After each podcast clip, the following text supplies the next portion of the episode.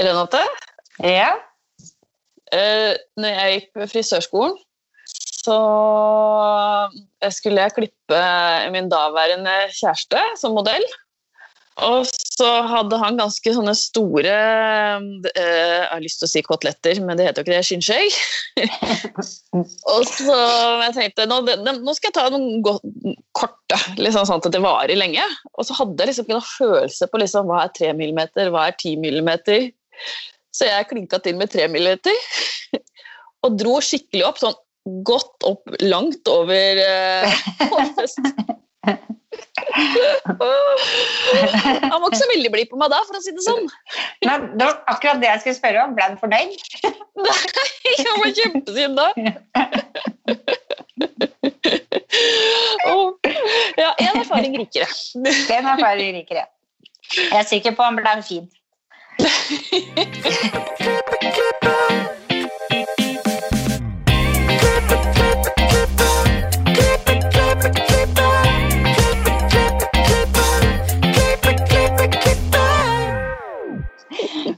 til Hårpodden. Jeg heter Renate. Jeg heter Ann-Marit. Ja, Marit, hvordan har uka di vært? Ja, jeg har, eh, jeg har begynt å jogge, faktisk. Så bra. Jeg fant ut at eh, nå må jeg slutte å bare sitte på sofaen og spise snop. Nå må jeg komme ut og gjøre noe. Jeg har tenkt på det altfor lenge. Så det føles veldig godt å komme i gang med det igjen. Sikkert vårtegn. Ja, rett og slett. Ja. Hva med deg? Jo, jeg er jo Jeg må si at jeg gleder meg veldig fælt til tirsdager, for jeg syns det er noen ganger litt vanskelig å stille spørsmål i poden når vi har gjester, for jeg blir liksom bare sittende starstruck til å følge med. Jeg vil bare høre og suge til meg det som blir sagt. Så jeg har gleda meg fra søndag til i dag.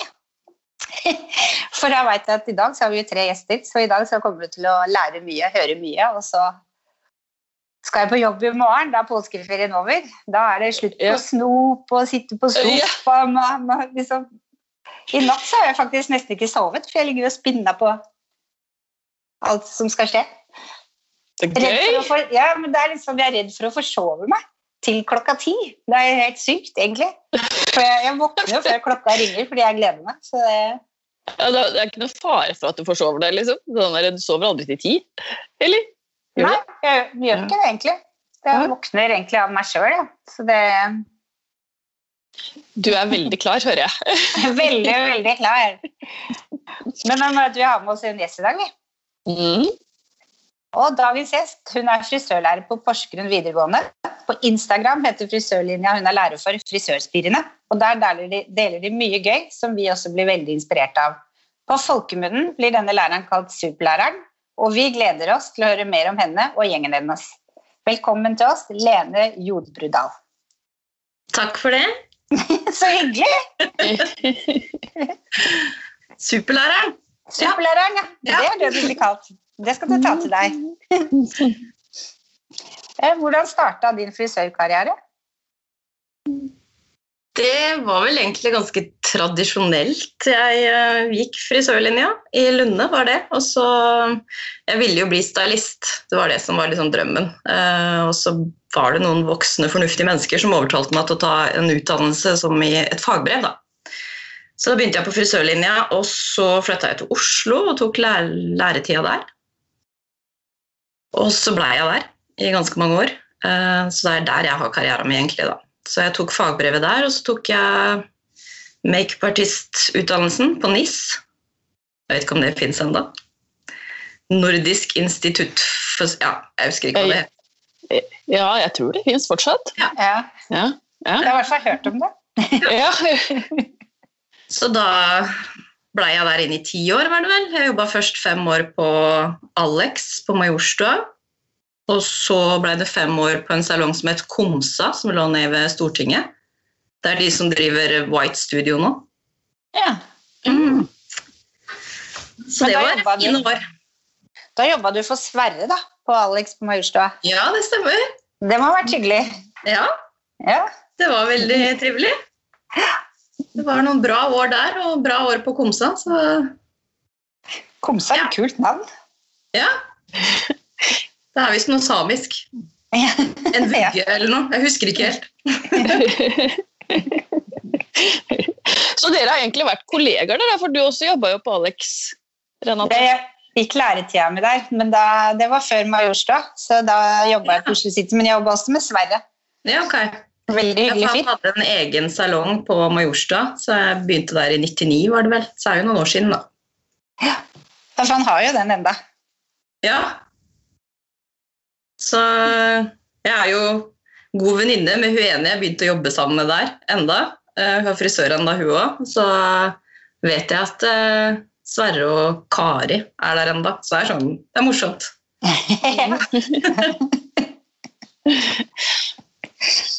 Men så ville du bli lærer? Frisørlærer? Eh, Ja, det blei sånn. Eh, Det er egentlig ganske tilfeldig. Jeg har bare alltid vært sånn at faget er så gøy, så jeg vil ha med meg alt som vi kan gjøre. Eh, Så det var en kunddama på, på Komsa som drev med FIF. Jeg vet ikke om dere husker det? Det var et sånn opplæringssystem. Jo, jeg husker det. Du brukte Ja, det på så skolen. hun eh, begynte å snakke om den der eh, yrkesfaglærerutdannelsen. da. Men jeg fikk egentlig ikke helt med meg hva det var, men jeg, jeg søkte på det, og så møtte jeg opp. Og så, når jeg var på yrkesfaglærerlinja, så skjønte jeg hva utdannelsen gikk ut på. Jeg trodde jeg skulle bare ta noe pedagogikk og så holde kurs, liksom. Men, da, men jeg fullførte, og jeg angrer jo ikke på det. Du gikk tre år, da, Ja, og fikk en bachelor. ja. Ja. Og så tok jeg ett år til med spesialpedagogikk, faktisk. Mm. Mm. Hvor lenge har du vært lærer nå? Ikke spør om sånt, da. Um, jeg var ferdig utdanna i 2010, altså ti år siden, da. Men det tok et par år før jeg begynte å jobbe 100% som lærer. For jeg holdt meg igjen i salong og tok den spespeden. og Det var sånn, sånn glidende overgang, da, kan du si. Mm. Det tok litt tid før du klarte å gi, gi det helt fra deg, eller? Ja, Ja. jeg har ikke klart det helt ennå. Men hva var det som gjorde at du flytta til Porsgrunn? Nei, det var jobbtilbud, da. Også en mann, selvfølgelig. Men uh, ja. Men eh, ja, jeg fikk eh, tilbud som, eh, som lærerjobb da, på Tangoakademiet, som var privatskole. Mm. Eh, så jeg var innom der før jeg blei hunta inn på Porsgrunn videregående. Så da når jeg fikk et bein innafor der, så blei jeg der. Men Tok du da spesped på heltid, eller gikk du spesped på deltid? Eller? Det var, det var heltid, men det var bare samling Det var noe samlingsbasert, det også. Det gikk. Mm. Mm. Men jeg angrer ikke på det. Man har nytte av det. Ja. Ja. Den Instagram-kontoen som vi snakka om i stad, hvor lenge har dere hatt den? Den har vi hatt eh, Jeg tror det er siden 2015. Fem-seks år, da. Ja. Ja. ja. Var det du som kom på navnet Frisørspirene? Jeg tror det. Litt redd for å ta kreden, men ja, jeg er ganske sikker på at det var meg, for det er meg som oppretta den. Men jeg husker jeg ble veldig inspirert av en elev som var ekstremt opptatt av um, Instagram. Så det var, jeg husker det var han som inspirerte meg til å finne ut hva det der var for noe. da. Liksom å få flere til å bli frisører og søke seg inn, eller er det det som er tanken med Instagram? Jeg tror jeg bare er så sykt stolt av alt det de driver med, så jeg har bare lyst til at alle skal se hvor flinke de er. For det er eh, jeg, jeg, jeg kan ikke huske at jeg var så flink når jeg gikk på skolen. Så, så jeg blir sånn, jeg håper at alle kan, altså bransjen også kan se det, sånn at de kan ta til seg lærlinger og så sette de i gang i jobb med en gang. For de kan veldig mye når de er ferdig på skolen. Så hvor mange elever har du? det er én klasse, så det er 15, da. 15 elever. Og Mm. hvordan samarbeider, samarbeider dere med bransjen generelt? Eh, Nå I disse teite tider så er det jo ikke så mye av det, da. Men eh, hvis vi heller fokuserer på de normale, gøye tidene, så samarbeider jeg nesten mer med bransjen enn jeg gjør inn på skolen. For det, ja, for det er, eh, det er der jeg finner ja-mennesker og pågangsmot og folk som vil finne på ting og prosjekter og litt, mer sånn, litt mindre rammer. Da. I skolesystemet så er det mye rammer. Og så skal du vel ut i bransjen òg, så det er jo Ja, de skal jo det, og så må jo jeg holde meg oppdatert, og bransjen må vite hva som kan forventes kanskje da, av lærlingene som kommer ut. Så det er gørrviktig. Så vi har jo et opplæringskontor som jeg samarbeider med, eh, som hjelper meg mye med rett og slett økonomi. Det der å søke om penger til å få til samarbeid. Og så siden Min karriere har jo vært i Oslo, og der er jeg vant til at alle samarbeider og, og hjelper hverandre og finner på ting hele tida. Så når jeg da etter hvert ble kjent med de menneskene her i Grenland som har samme innstilling, så er det jo bare opp til vårs hva vi vil og ikke vil finne på, på en måte. Så For hvordan får du som lærer holdt deg oppdatert? Altså, Får du gått på kurs, liksom sånn Eller Mm, nei, altså skolemessig, da. Jeg er jo ansatt som lærer, og via skolen så er det veldig lite. Der er det ikke noe for yrkesfaglærere. Men em, så lenge jeg på en måte har et bein i bransjen også, så er det veldig opp til en sjøl. Og så er det det Pivot Point-kurs kurset. Men det har jeg jo ikke fått via skolen, det har jeg fått via opplæringskontor og fylke, da, den veien der. Så, så det fins, men man må gå, kanskje gå litt andre veier da, for å, for å finne det. Eller kanskje en oppfordring til bransjen. At man kan, når man ønsker lærlinger, at man kan liksom oppfordre og ta lærerne med på det som skjer også. Da. For Ja. ofte så har du treningskvelder, du har internkurs og Ja, får litt tettere samarbeid sånn. absolutt. Det er, kjempe, det, er, altså, det er veldig, veldig viktig, og så er det Mulighetene er der, så, så man må liksom ikke bare sitte og tenke at eh, nei, dette det fins ikke, eller det går ikke. Det er litt det med å være ja-mennesker, og så å være litt Ikke bare telle timer og, og ferie, men uh, kjøre på. mm. Riktig innstilling. Enig. Det Du- et, etter Frisørspirene Insta-kontoen så har det jo åpna seg masse samarbeid og moro der òg, så det er jo eh, Jeg angrer ikke for at jeg bruker tid på den. Ja, for den er veldig inspirerende. Det er så gøy å høre. Mm. Jeg likte spesielt godt det der med at dere gikk i skogen for å finne farge, eller eh, ut for å finne hva er 5-0. Ja, det er jo, Man må jo tenke litt nytt. Det var jo lockdown eh, for et år siden det. Eh, at de, det ble hjemmeskole. Og da skulle jeg repetere fargeteori. Og jeg er litt fargenerd. Jeg elsker hårfarge. Og det gjør man veldig mye ute i salong som frisør, så jeg tenker at det, det å fordype seg litt i det å tenke, tenke fargsk, som jeg kaller det. da. Det er et eget fargespråk vi frisører har. Så da sendte jeg de ut til å se rundt seg og ta bilder av ting, og så analysere fargen da, om til fargsk frisørspråk. Mm. Så gøy. Fargsk. Ja. Ja, men vi snakker jo sånn. Det er jo sånn der, det er en 7-0, ja, det er litt strek 1 inn, og ja. Det, det vil jeg at de skal lære seg. Hvordan syns du det funker med hjemmeskole generelt? For det er vel litt annerledes for dere nå, akkurat nå, selv om det forhåpentligvis er rett ved det er slutt, man kan begynne å være litt normalt igjen, så har det jo vært en omstilling. Ja, Det er egentlig eh, helt tullete å lære et praktisk fag via data. Um, men i korte perioder så går det helt fint, men hadde det vært lange perioder eller store deler av året, så, så går det jo ikke. For det er et hands on. Man må kunne stå og jobbe og bli trygg med materialet, og det gjør det ikke. Men de blir jo veldig faglig, altså teoretisk sterke, da. Når vi kan uh, bruke litt tid på å gå i dybden av ting. Men man skjønner jo ikke noe av den dybden hvis ikke man har erfaringa i praksis, uansett. Så ja. Så jeg, kjekt, jeg har vært veldig glad for at det fins Hårpodden, for da har jeg bedt de om å lytte til Hårpodden og reflektere litt over eh, arbeidslivet som frisør, for dere tar opp veldig mange bra temaer. Så det, Tusen takk. Det var hyggelig sagt. så jeg har brukt, eh, brukt dere mye, altså. Og det å få det til å gå ut i naturen også er jo kjempesmart, da, må jeg si. Det, takk. Jeg husker faktisk ikke hvor jeg fikk den oppgaven fra, men jeg gjorde den jo om igjen i år når det var lockdown nå. Ja. Eh, eller vi havna i karantene. Det var sånn det blei. Eh, og de eh, Det er jo så gøy å se hvordan de løser den oppgaven.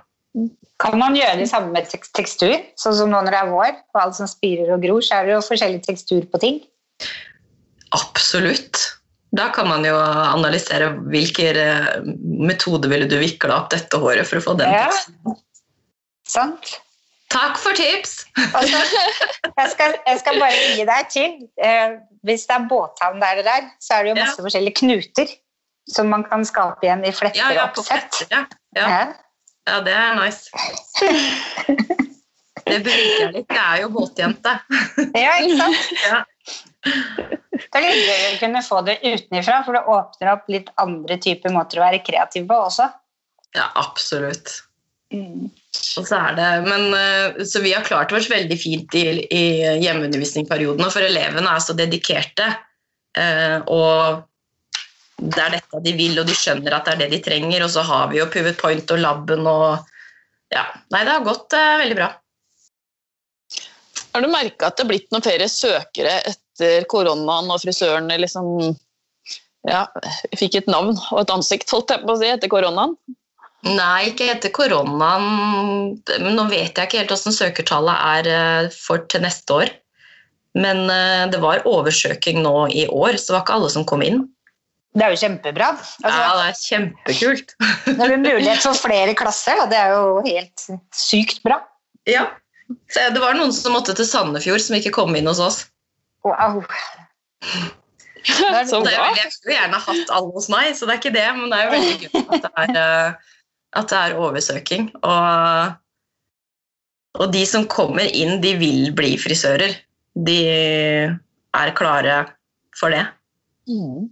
Det er også veldig greit at VG1-løpet fungerer sånn at de klarer å, å kjenne litt på om det er noe for en. Da. Mm. Hva er det letteste og det vanskeligste av pensumet som elevene skal gjennom? Oi.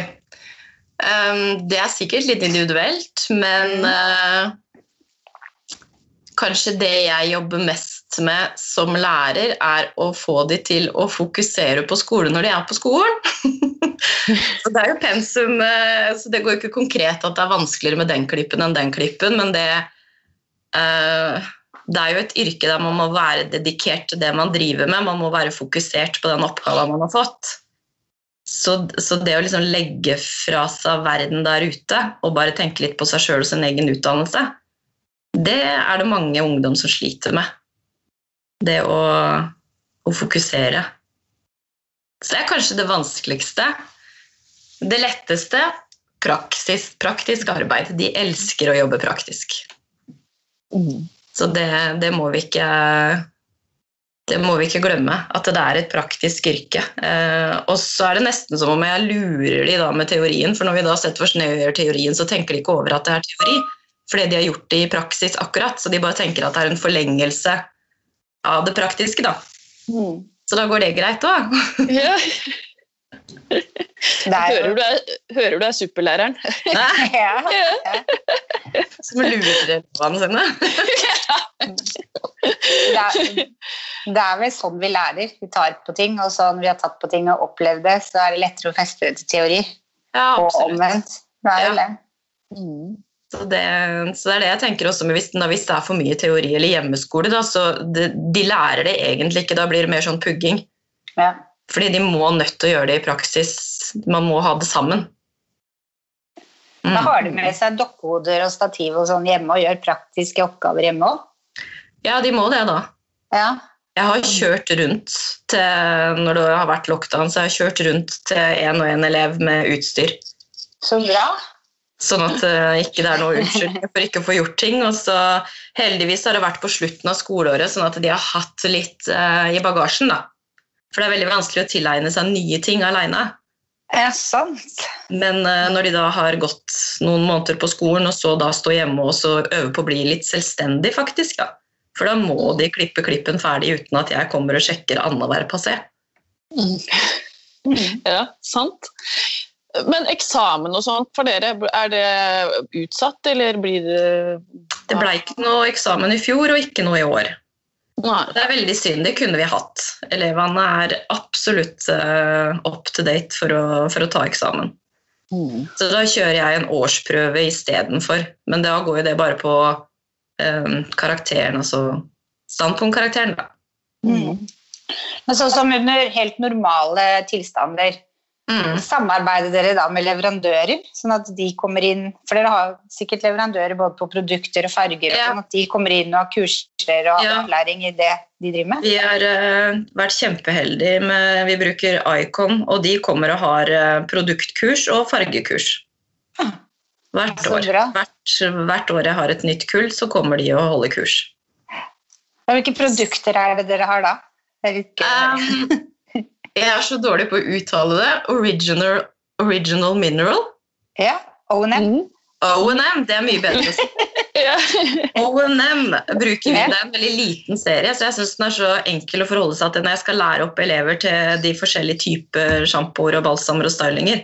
Ja. For det er jo et enormt marked der ute. Så så jeg syns det er en fin serie å ha på skolen til samme serien. Og så har vi tatt inn Dapperdan, for det Barber har jo tatt litt av. Så da måtte jeg ha egne Barber-produkter, for O&M har ikke så mye på den biten. Nei. Og jeg er enig, O&M er veldig sånn konkret. Liksom. Dette er skoen, dette er hårspray, dette her Ja. er tørre sjampo. Det, er- det er liksom Ja, og så er det ikke så mange typer. Det er liksom ikke fire forskjellige sprayer og tre forskjellige bokser. Det er liksom, ja. Så det er en bra startserie. Så de får et overblikk over eh, hva som fins, og så kan de utvikle horisonten når de kommer ut som lærlinger. Jeg tror favoritten min i den serien var eh, den lille gullboksen. Ja, Sukhoroi. Ja, Den har jeg huet mitt fullt av. ja. Den er helt fantastisk. Ja, den er ny. Eh, Hvor får du ideene dine fra når du skal gjøre ting utenom pensum? Sånn, nå har vi jo snakka litt om det, Renate har gitt deg ideer, men hvor er det de kommer fra? Liksom? Um, overalt. Det, er- det er så mye gøy å gjøre. Men egentlig så er jo alt pensum. Det kommer an på hvordan du pakker det inn. Mm. Sånn at eh, jeg tror egentlig det jeg gjør mest, er å ta grunnleggende pensumbiter, og så putter jeg det inn i et Ikke store prosjekter, for at det må ikke alltid være så store prosjekter, for da mister man litt fokus hvis det er for stort. Men at man liksom tar og putter det inn i eh, litt up to date, eh, gøye ting å gjøre, da. Men hva er up to date? Men det er jo, jeg tror jeg har veldig mye nytte av at sosiale medier har blitt som det har blitt. Altså at for det, det hadde jo ikke jeg når jeg var lærling eller eh, i mine år som frisør. Men uh, man får jo enormt mye inspirasjon av å sitte og, og flakke rundt på Instagram. Og... Men jeg tror kanskje elevene mine, når de snakker om ting de er interessert i Hvis det er liksom noen som er sånn supergira på halloween og snakker mye om det, så tenker jeg ok, men da kan vi putte de og de uh, konkrete oppgavene inn i et halloween-prosjekt. og så, ja. så jeg får mye inspirasjon fra de. Uten å vite. Jeg bare har sånne trompetører som hører alt de snakker om hele tida, og så snapper jeg opp noe, og så bare hm, Kanskje jeg skal prøve det i år. Det er vel fordelen med å jobbe med unge mennesker. De Ja, putter ut mye ideer og ja de gjør jo det. De er jo, Mm. og så er de uredde. De kan liksom ikke at de får lov til det, da, men de kan fly på et uh, sort farga hår med 12% og tenke at de skal bli blonde. For at de har ikke erfart så mye uh, hvordan det egentlig kan gå. Ja. Så, så de kommer jo med ganske mye uredde eh, ideer og ønsker og løsninger noen ganger, og så får jeg finne en sånn mellomting, da. Så dere er har, dere har ikke dokkehoder som er helt svarte og litt sånn herpa, så de bare ok, gyv løs, og så lærer du fra når du kommer på en sånn idé, så bare å shit, det gikk kjempegærent. Der falt håret litt av. At du Jo, lærer altså- den veien nå. ja, for du har noen elever som egentlig ikke er interessert i å lære av å høre på deg. Ja. De det. Og da gidder ikke jeg å bruke energien min på å stå og si at nei, du skal høre på hva jeg sier. Da er det sånn ok, men da prøver du det. Ja, ikke sant? Prøver Og så prøver de det, og så finner de kanskje ut at nei, jeg må prøve å gjøre det på en annen måte. Og så spør de om hjelp istedenfor. Ja. Så det er litt forskjell fra person til person hvordan man eh, tar imot veiledning. Ja. Men så når de, ja, når de er liksom i denne prosessen og de skal ut og skaffe seg lærlingeplass og sånn, er, Ja. det, er det lett, eller er det vanskelig, eller? Jeg tror Altså, det er ikke noe problem. Altså, markedet har veldig lyst på lærlinger, men elevene er unge, og en del er litt usikre. Så, så jeg jobber mye med trygghet. Det der å få de trygge nok til å tørre å gå og vise hva de kan. Eh, heldigvis så har vi jo YF, den, det faget YF. De er ute i bedrift én dag i uka i lange perioder. Eh, sånn at de får kjent litt på de rammene de er under når de er ute i bedrift. For det- der er det ikke noen som tar deg imot og gir deg oppgaver hele dagen og støtter deg og veileder deg, sånn som de gjør på skolen. Så, og pluss at den if-en er jo da dems vei ut i læretida. Vi sender de jo ut i bedrifter som vil ha lærlinger, og så inviterer vi bedriftene inn på skolen, sånn at de kan komme og hilse på alle elevene, for det har jo mye med kjemi å gjøre òg. Det der å finne en salong som passer til den type frisør du er. Altså If, for de som ikke vet det som hører på, så er det yrkesfaglig fordypning. Ja. Ja. Og hvis bedrifter er interessert i det, så kan de jo ta kontakt med deg. Ja. Og kanskje være en del av det. Ja, det er superviktig. Mm. Det, det samarbeidet der er kjempeviktig, og bedriftene er stort sett superpositive, og til og med nå i koronatida så har de åpne dører for elever. Mm. Det er veldig De ser på de som en ressurs. Jeg håper de ser at det, de kan liksom brukes fra dag én. De trenger ikke å stå med vaskebøtta i et halvt år før de får lov å ta i kunder. Nei, Da mister vi dem jo, hvis de gjør det. Ja, det er det jeg også håper jeg kan oppnå med den Instagrammen. da, At man kan se hva de faktisk kan prestere. Mm. Mm. Mhm. Men opplever du det at eh, mange elever står med vaskebøtta i dag? Eh, mindre og mindre. Mm. Ja, så bra. faktisk mye mindre. Um, og det er også Men det er jo personavhengig, for at hvis du kommer ut og virker veldig veldig usikker og redd, så tør jo ikke salongen å sette deg til noe. Men hvis du kommer ut og så er litt trygg og har tatt mye i hår, så tør man mye lettere å ta den rollen som er litt frampå, da. Mm. Så det å jobbe, med, jobbe mye med hår og jobbe mye med å vaske hår på hverandre, sånn at det ikke er så skummelt når du blir spurt om å gjøre det når du kommer ut, så tror jeg det lettere også blir satt til å gjøre det oftere og oftere. Men samtidig så skal du, hvis du kommer ut i en bedrift og du er veldig usikker, så skal vel bedriften det første året de er ute, ha såpass bra opplegg at de skal kunne jobbe med hår for å bli trygge. For det siste året så skal du på en måte stå og få kjenne på det å jobbe som frisører og jobbe inn i hvert fall med tida, så man ikke bruker Mhm. kanskje to og en halv time på en klipp, men at man er trygg nok til å gjøre det på en time. Ja.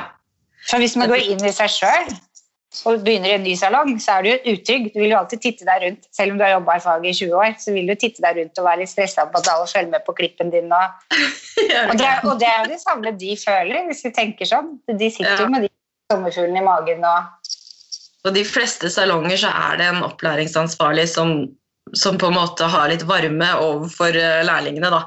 Men eh, det er også andre steder hvor det er ganske travelt opptempomiljø, hvor du på en måte bare må hoppe inn og ha litt spisse albuer og ta din plass, og det er ikke alltid like lett når man er ny der, da.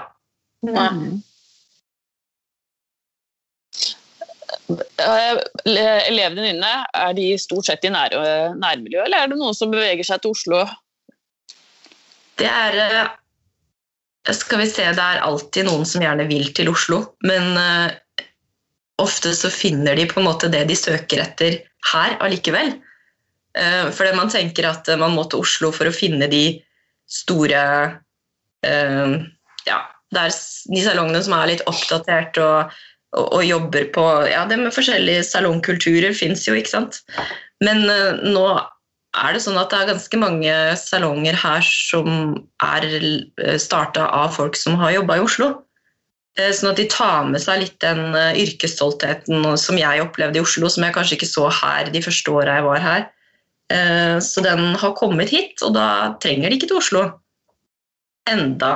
Jeg angrer aldri på at jeg reiste til Oslo, for jeg syns det var De ni åra jeg hadde der, var helt rått. Men jeg tror kanskje ungdommen i dag er litt reddere altså, Når du er 16-17 år og så flytter alene til Oslo det er dyrt og, og, vanskelig, så jeg tror Ja. Mm. Så det har ikke vært mange som har gjort det, faktisk. Men uh, jeg tror det er fordi bransjen her er uh, stor nok til at vi trenger alle her, da. Ja. Mm. Savner du å jobbe i salong? Ja. ja, veldig. Det er, uh, det har vært skikkelig sug de siste åra. Så eh, nå har jeg begynt å jobbe i salong ved siden av å være lærer. Og så gøy! eh, hvor? Hvor? Ja, hvor? Ja, nei, det er en salong i, i Skien som heter Kobber frisør. Eh, som drives av Una, og så er det to tidligere elever av meg der. Så gøy! Det er så, vanvittig hyggelig og så gøy å være der. Jeg begynte eh, å være der i hospitering via jobben. Da. At jeg kunne ut i salong én dag i uka for å oppdatere meg på hvordan det er å være i salong. Og så Samtidig så testa jeg da åssen er det å bruke én dag i uka på å stå i salong, og så tar jeg eh, kontortida mi på kvelden og i helgene. For jeg har jo da 100% jobb som lærer ved siden av. Um, og det gikk, så da fortsatte jeg med det. da, Å jobbe der på tirsdagene. Og så har jeg utvida til noen lørdager. det er jo så moro. Det er ikke rart du blir kalt superlæreren. Det er jo, det er jo en fantastisk måte å, å oppdatere seg på. Da, å kjenne på pulsen og ta med seg det videre til elevene dine. De er jo kjempeheldige. Ja, og så kjente jeg veldig på det du snakka om i stad. For da er jo jeg voksen frisør og vært frisør i mange år, men det er lenge siden jeg har vært ute i salong. Hvor usikker jeg var de første gangene jeg var der. Hvor er ting hen? Hvor lang tid bruker jeg på ting? Hvordan gjør jeg faktisk et helt hode med folie? For jeg har bare stått og vevd tre passeer for å vise til elevene, og så gjør de resten. ikke sant? Så, øh, men det er så moro. Jeg er ikke ferdig øh, som frisør. Så jeg skulle ønske at når du er lærer, så er det et krav at du er yrkesaktiv.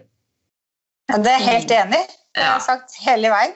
Det burde vært uh, lagt opp sånn at uh, du skal ha én dag i uka i salong med kunder. Så uh, drømmen er å jobbe på skolen og ha en salong ved siden av som jeg kan jobbe på. Altså, ja, jeg vil ha begge deler, da. Mm. Jeg har også vurdert å ta ett år permisjon fra jobben for å jobbe 100% som frisør ett år. Så det går jo, det òg. Ja. Mm. Så det Det skal nok gjøres, men jeg vet ikke når. det er jo kjempebra. Er for den kontorbiten kan vel ta, ta mye av det kreative. Det er greit å få seg litt ut og få det på nytt, på fyll.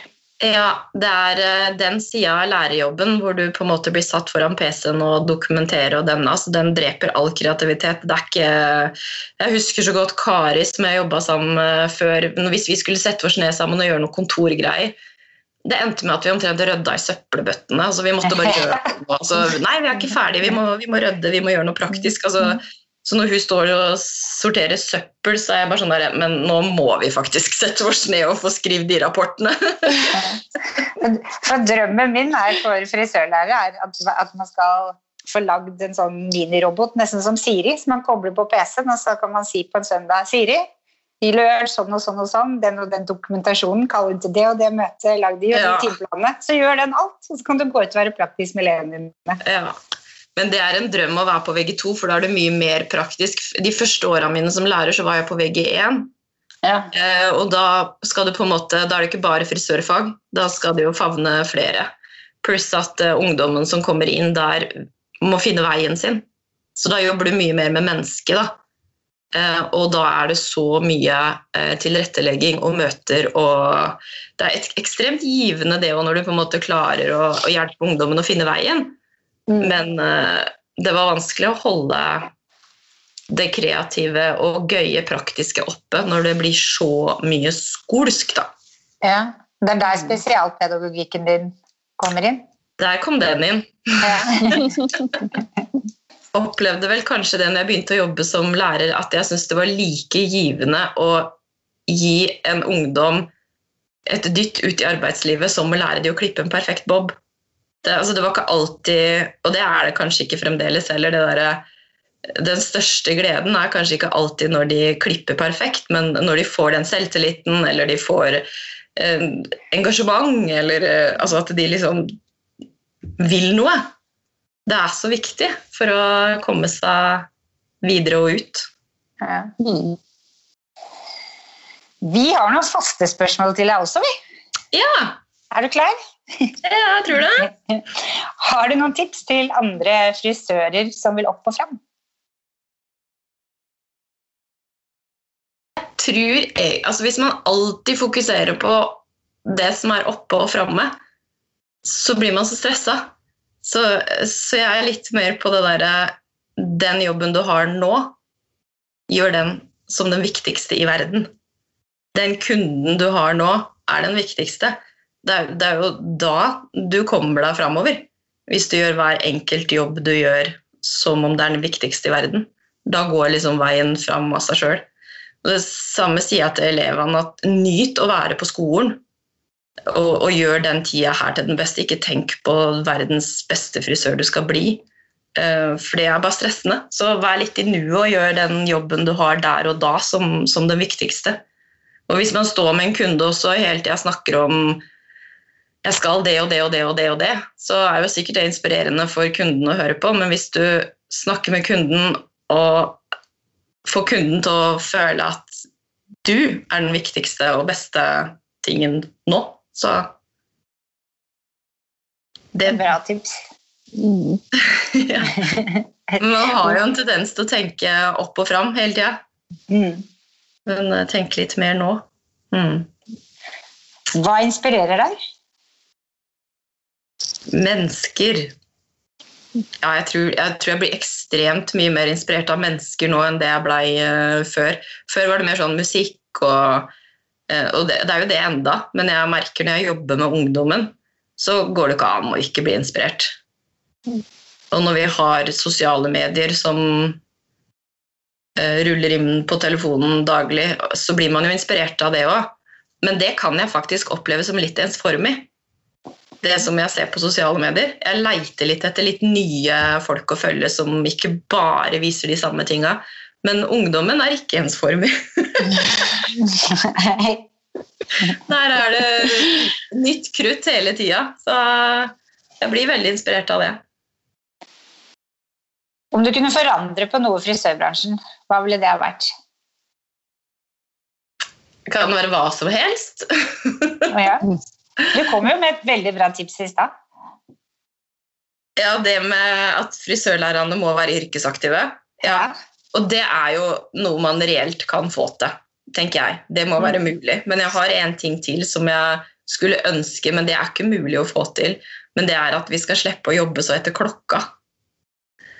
For jeg har hatt så mye mareritt alltid om at jeg blir forsinka og ikke er klar når neste kunde kommer. og hvis du har en kunde som hadde blitt så mye finere hvis du hadde pakka 17 folier til, men du har ikke tid til det, for da blir du forsinka med neste.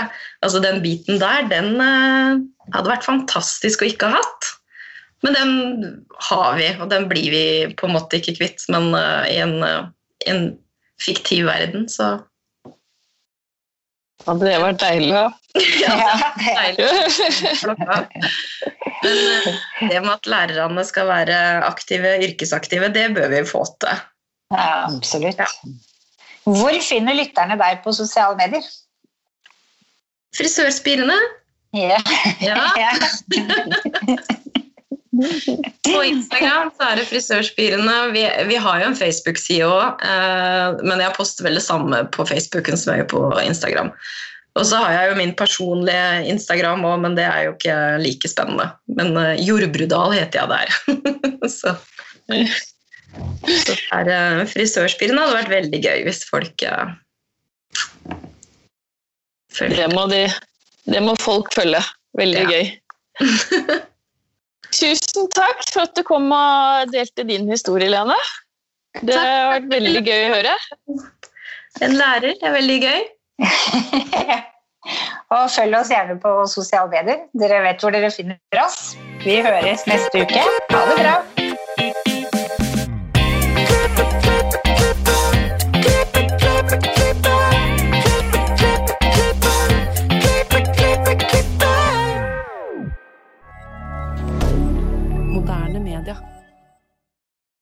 Har du et enkeltpersonforetak eller en liten bedrift? Da er du sikkert lei av å høre meg snakke om hvor enkelt det er med kvitteringer og bilag i fiken, så vi eh, gir oss her, vi. Fordi vi liker enkelt. Fiken superenkelt regnskap.